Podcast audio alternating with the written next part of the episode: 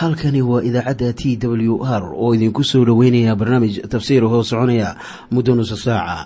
Waxaana barnaamijkan codka waayaha cusub ee waxbaridda ah idiin soo diyaariya masiixiin soomaaliya.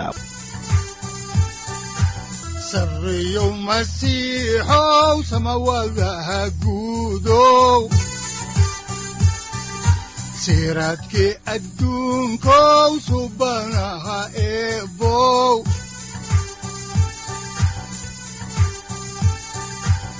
sareyow masiixow samawadaha guudow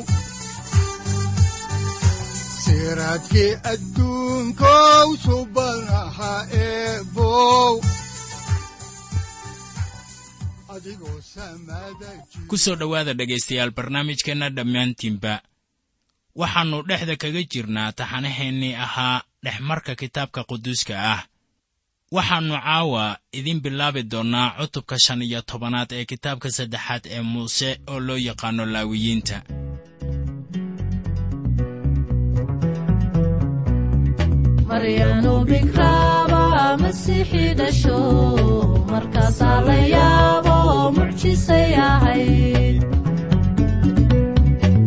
iyadoo rag moogbay malaa'ig salaanto markaasay uruudu mucjisay ahayd maryanu bikraaba masiixi dhasho markaasaa la yaabo mucjisay ahayd markuu yuusuf arku ka madluumayo markaasay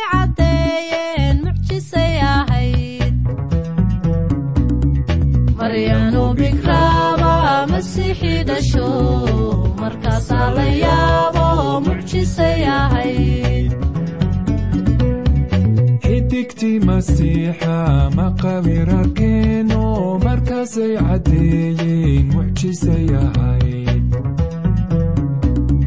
maryanu bikraaba masiixi dhasho markaasaa la yaabo mucjisay ahayd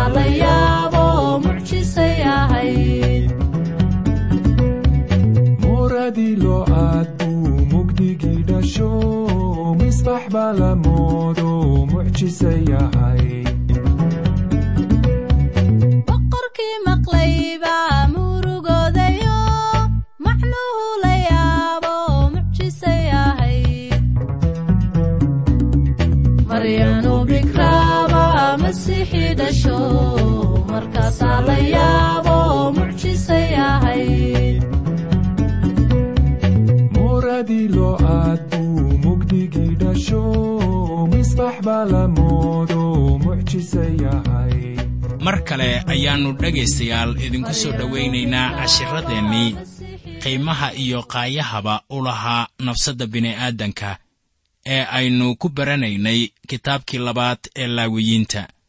Markii noogu dambaysay waxaannu idiin soo gunaanadnay cutubka afar iyo tobanaad ee laawiyiinta waxaanan caawa si toos ah u abbaari doonnaa kan shan iyo tobanaad. Mawduuca uu ka hadlayo waxa weeye dheecaanka ama dareeraha bini'aadanka ka qulqula. Nuuc kasta ee ay yihiinba kuwaasoo u taagan nabaadguurka dembiyada qarsooni ay u keeni karaan qofka. Marka waxaan soo aragnay laba cutub oo ka hadlaya xaalka ku saabsan baraska. Labadaas cutubna waxaynu ku soo aragnay xaaladaha xunxun ee baraska. Ha yeeshee cutubkan weli waxaynu ka sii hadlaynaa xaaladaha murugsan ee baraska. Waxaan baryaha kan maqalnaa wax ku saabsan nabaadguurka ku yimaada deegaanka. Laakiin waxaa jira nabaadguur ku yimaada nafsaddeenna xitaa iyo mid ku yimaada maankeenna oo ina wada saaqa. Haddaba boogaha waa kuwa laysqabadsiiyo oo halis ah. Waxaanay inoo muujinayaan sida dembiguba ama dembiyaduba ay ugu sii darayaan. Dabeecadda bini'aadanka waa qurun iyo nijaas mana ahaan inay qarriban tahay oo keliya laakiin way sii qarribmaysaa mana ahan inay gurracan tahay oo keliya laakiin way ka sii daraysaa gurracnaanteedu. Markaana cutubkan wuxuu u taagan yahay sida muraayad lagu eego dabeecadda bini'aadanka oo haddii la eegana ma jiro qof araggiisa ama muuqaalka dabeecadda bini'aadanka u qaadan kara ammaan. Waxay qofka la noqonaysaa in baraska u yahay cudurka ugu xun cudurrada. Laakiin sida daacadda ah ma ahan mid la isku daarto oo keliya ee wuxuu u saaqaa sida cudurrada oogada ku dhaca. Haddaba cudurkan baraska sidaad arkayso waa cudur aan la qarin karaynin ilaa iyo wakhti. Si tartiib ah ayuu u shaqeeyaa laakiin ugu dambaynta wuxuu saaqayaa oogada qofka qaba gebi ahaan. Ha yeeshee cudurrada kale ee jidhka way qarsoomi karayaan ilaa iyo wakhti dheer. Markaana taasu waxay u taagan tahay fikirka nolosha ee qofka iyo ficilka dembiga ee soo baxaya. Waxaa ku qoran kitaabka bilowgii cutubka lixaad aayadda shanaad sida tan. Rabbiguna wuxuu arkay in dadka sharkiisu uu ku badan yahay dhulka iyo in mala kasta oo fikirrada qalbigiisu ay shar keliya yihiin had iyo goorba. Taasuna waxay qusaysaa dabeecadda bini'aadanka ee qarribantay taasoo saamaysa dadka kale nebi ayuub ayaa isna leh sida ku qoran kitaabkiisii cutubka afar iyo tobanaad aayadda afaraad sida tan. Bal yaa wax wasaq ah wax nadiif ah ka soo bixin kara. Xataa mid qura oo saas yeeli kara ma jiro.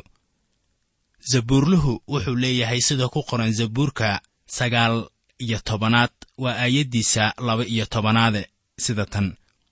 Bal yaa qaladadiisa garan kara rabbow iga nadiifi dembiye qarsoon waxaa kaloo ku qoran warqaddii rasuul bawlos uu u qoray dadka rooma cutubka toddobaad aayadda siddeed iyo tobanaad sida tan.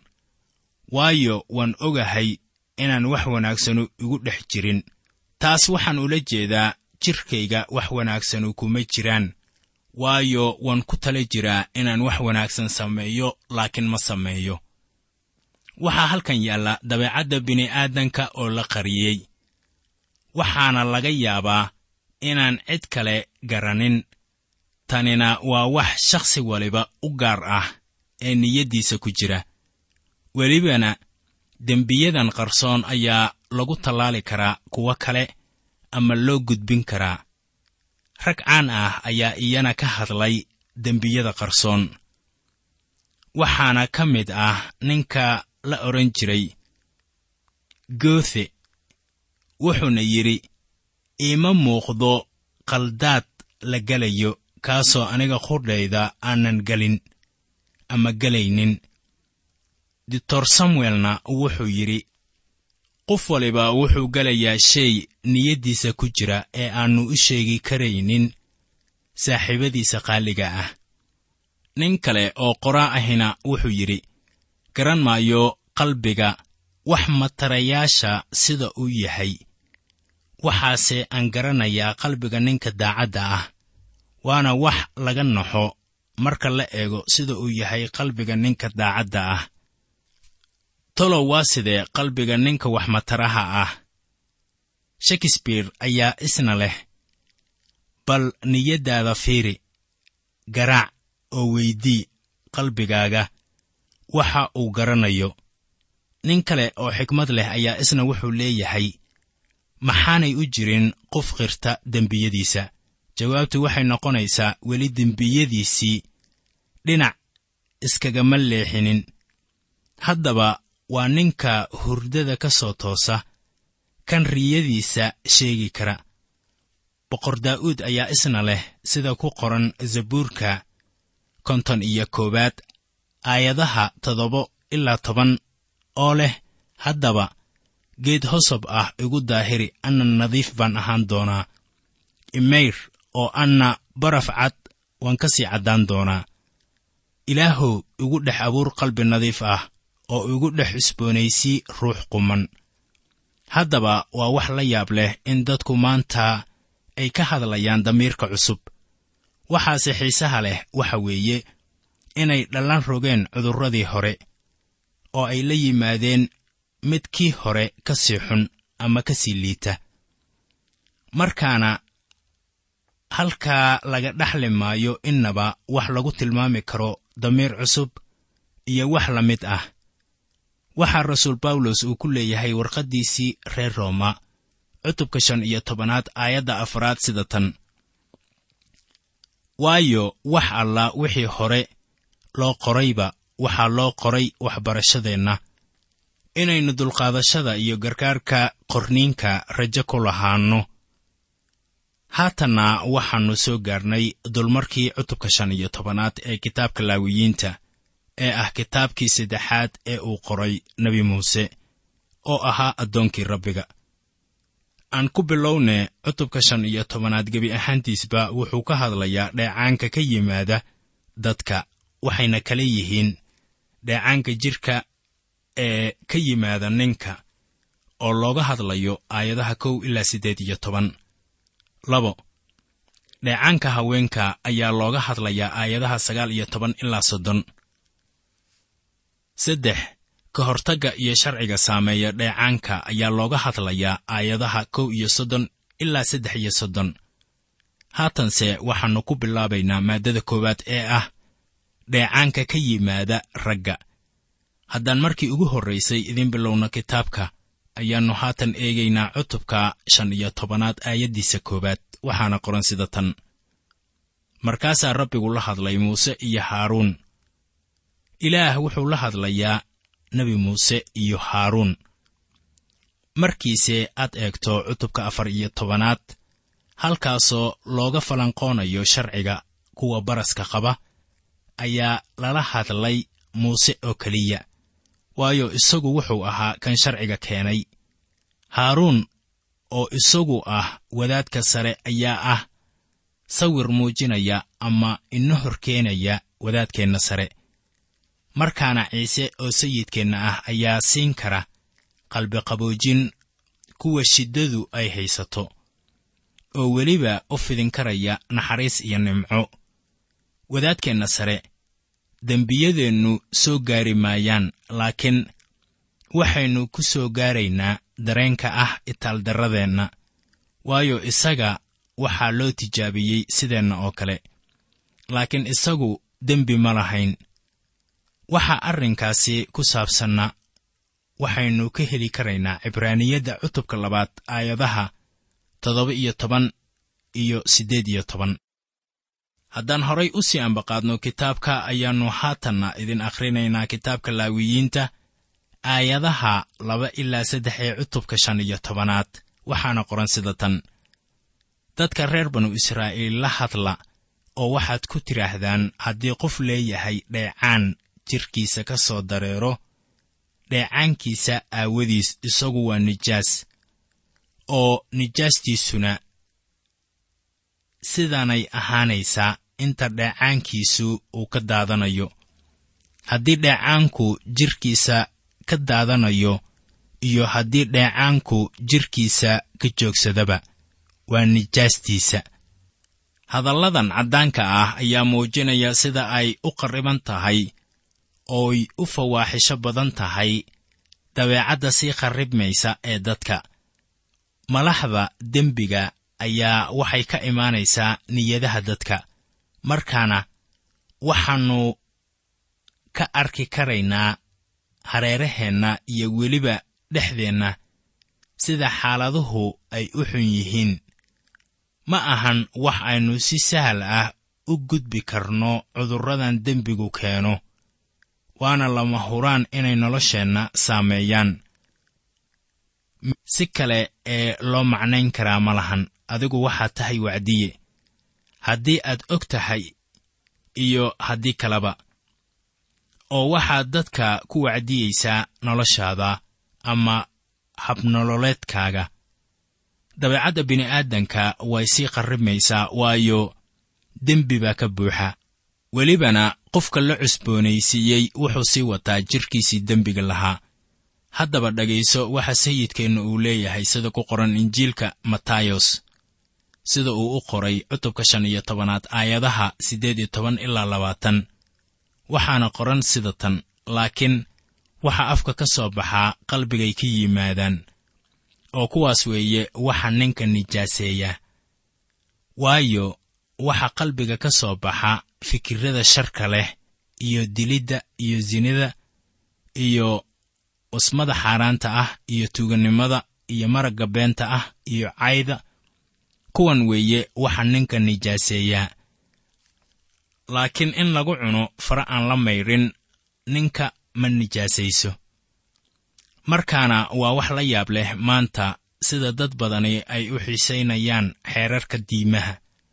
Inkastoo ay dhex maraan xeerarka diimaha waxay kaloo leeyihiin niyad aad iyo aad u wasakh badan.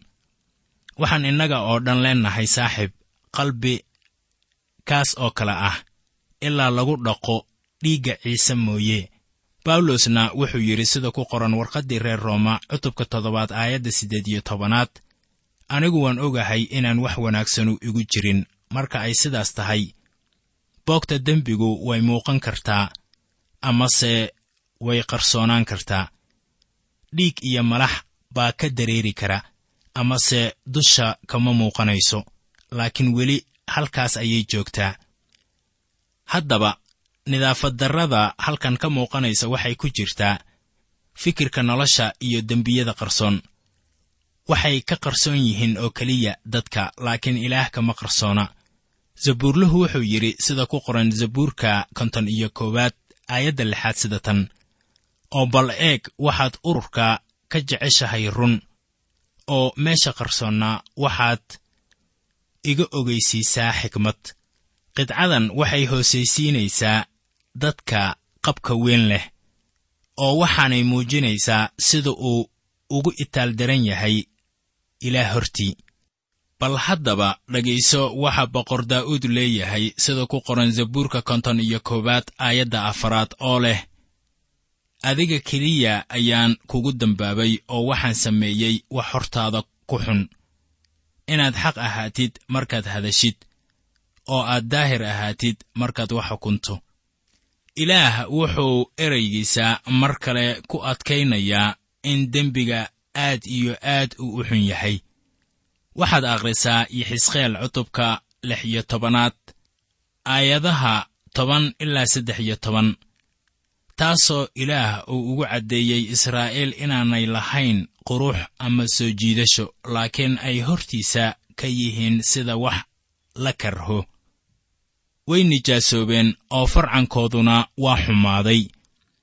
Waxaad kaloo akhrisaa ishaaciyah konton iyo sagaal halkaasoo nebigu uu leeyahay laakiin xumaantooyinkiinna halkaasoo nebigu uu leeyahay laakiin xumaatooyinkiinna idinkala soocay idinka iyo ilaahiinna oo dembiyadiinna wejigiisa idinka qariyey oo saasuusan idin maqlin haddaan dib ugu noqonno xigashada kitaabka ayaannu haatan eegaynaa kitaabka laawiyiinta cutubka shan iyo tobanaad aayadaha afar ilaa toddoba waxaana qoran sida tan. Oo kan dheecaanku ka daadanayo sariir alla sariirtii uu ku jiifsadaaba way nijaasoobaysaa oo wax alla wixii uu ku fadhiistaaba way nijaasoobayaan oo ku alla kii sariirtiisa taabtaaba waa inuu dharkiisa maydhaa oo isna biyo ku maydhaa oo tan iyo fiidkiina nijaas buu ahaanayaa oo ku alla kii ku fadhiisto wixii uu qofkii dheecaanku ka daadanayay ku fadhiistay waa inuu dharkiisa maydhaa oo isna biyo ku maydhaa oo tan iyo fiidkiina nijaas buu ahaanayaa oo kan dheecaanku uu ka daadanayo jidhkiisa qofkii taabtaana waa inuu dharkiisa maydhaa oo isna biyo ku maydhaa oo tan iyo fiidkiina nijaas buu ahaanayaa haddaba qofka dheecaanku uu ka daadanayo wax kasta ee uu ku fadhiisto iyo wax kasta ee uu taabtaaba waxay ahaanayaan nijaas. Ilaah wuxuu danaynayaa nolosha shakhsi ahaaneed ee dadkiisa. Sharcigiisa ayaa haatan saamaynaya meel waliba ee noloshooda ah. Waxa kale ee uu eegayaa xitaa markii ay jiifaan. Markaana qofkan dheecaanku uu ka yimid ee nijaaseeyey sariirta uu ku jiifay ayaa weliba riyadiisii waxay noqonaysaa nijaas ama waxaan daahir ahayn. Dad badan ayaa habeenka helin hurdo iyagoo aan ka fakaraynin kuwa ay hoggaamiyaan laakiin ka fakaraya damaca jidhka ilaah haddaba wuxuu xiisaynayaa waxa maankeenna soo gelaya markaan huradno oo wuxuu doonayaa inaan fikiradeenna nolosha maarayno.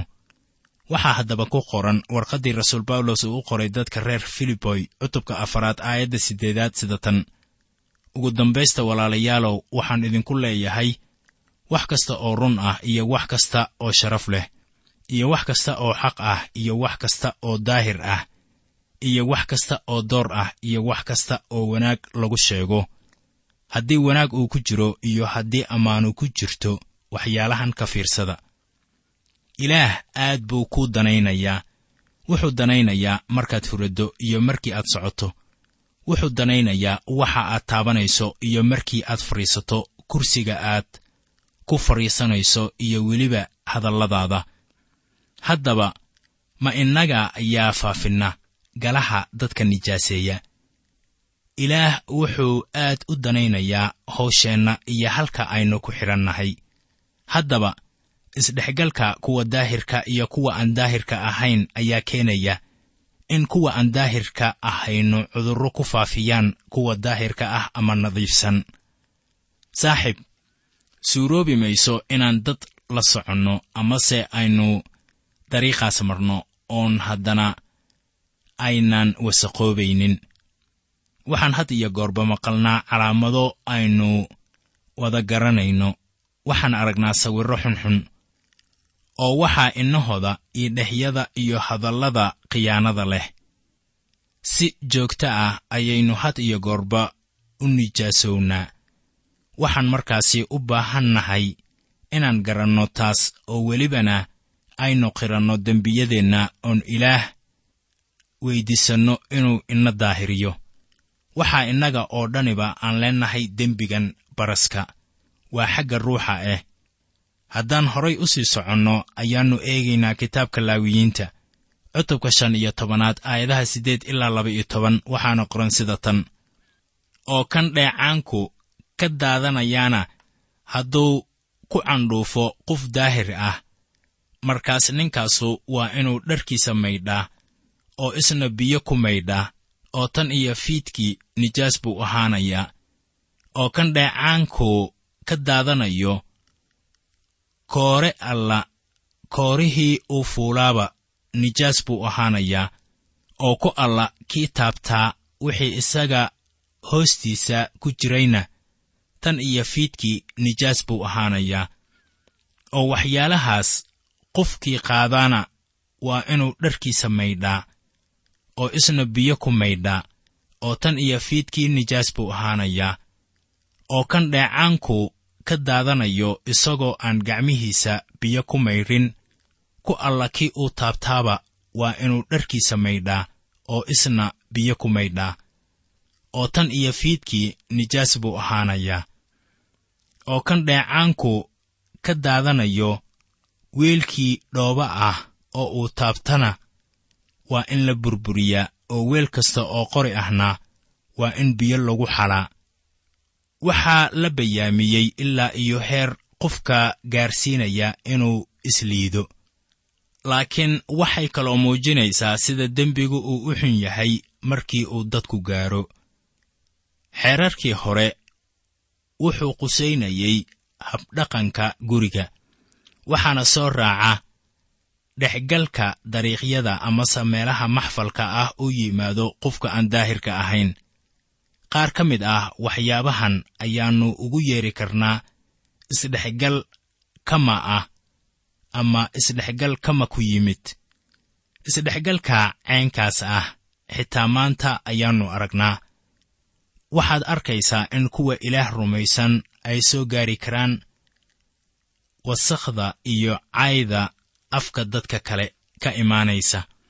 Markii taasuna ay dhacda qofkii rumaystaha ahaa xitaa way soo gaaraysaa nijaastaas ha yeeshee qofka rumaystaha ah wuxuu u baahan yahay inuu isdaahiriyo waana taas waxa ay innaga inoogu muhiimad ballaaran tahay inaan had iyo goorba ku dheganaanno erayada ilaah. Waxaad kaloo dhegaysataa hadalladan ciise masiix odhanayo markii uu la hadlayey butros oo uu lahaa sida ku qoran yooxanaa cutubka saddex iyo tobanaad aayadda siddeedaad. Haddaanan kuu mayrin qayb iguma lihid. Haddaba qayb kulahaan mayno ciise masiix. Haddii uusan ina dhaqin ama ina mayrin. Waxaa kaloo uu leeyahay sida ku qoran injiilka yooxanaa sida uu u qoray cutubka shan iyo tobanaad aayadda saddexaad sida tan. Durba waa nadiisan tihiin hadalkan idinkula hadlay daraaddiis. Waxaa kaloo sayidku uu leeyahay iyaga quduus kaga dhiga runta. Hadalkaagu waa rune. Haddaan markii ugu dambaysay caawa soo xiganno kitaabka laawiyiinta ayaa waxaan ka soo qaadanaynaa aayadaha saddex iyo toban ilaa shan iyo toban ee cutubka shan iyo tobanaad. Waxaa qoran sida tan oo kii dheecaanka daadanaya markuu daahir ka noqdo waa inuu toddoba maalmood nafsaddiisa u tirsadaa daahirintiisa aawadeed oo dharkiisana waa inuu maydhaa oo isna ku maydhaa biyo socda oo markaasuu daahir ahaanayaa oo maalinta siddeedaadna isaga waa inuu laba qolley ama laba xamaam oo yaryar qaataa oo uu rabbiga ugu hor yimaadaa iridda teendhada shirka oo uu iyaga wadaadka u dhiibaa. Oo wadaadku waa inuu middood u bixiyaa qurbaan dembi midda kalena qurbaan la gubo. Oo wadaadku waa inuu rabbiga hortiisa kafaara gud isaga ugu sameeyaa dheecaankiisa aawadiis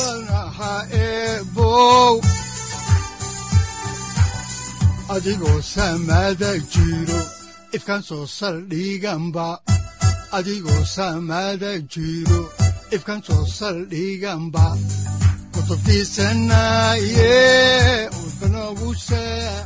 halkani waa t w r idaacadda t w r oo idinku leh ilaa ha idin barakeeyo oo ha idinku anfaco wixii aad caawi ka maqasheen barnaamijka. Waxaa barnaamijkan oo kalaa aad ka maqli doontaan habeen dambe hadahan oo kale haddiise aad doonaysaan in aad fikirkiina ka dhiibataan wixii aad caawi maqasheen ayaad nagala soo xiriiri kartaan som t w r at t w r c o k e haddii aad doonaysaan in aad dejiisataan oo kaydsataan barnaamijka ama aad mar kale dhegaysataan fadlan mar kale booqo www t w r o r g amase waxaad teleefoonkaaga ku kaydsataa ama ku download garaysataa agabyada ku sahli karaa dhegeysiga t w r haddii aad doonayso in laga kaalmeeyo dhinacyada fahamka kitaabka amase aad u baahan tahay duco fadlan fariimahaaga soo mari bogga aaraahda ama kommentska inana jawaab degdeg ah ayaanu ku soo diri doonaa amase ku siin doonaaye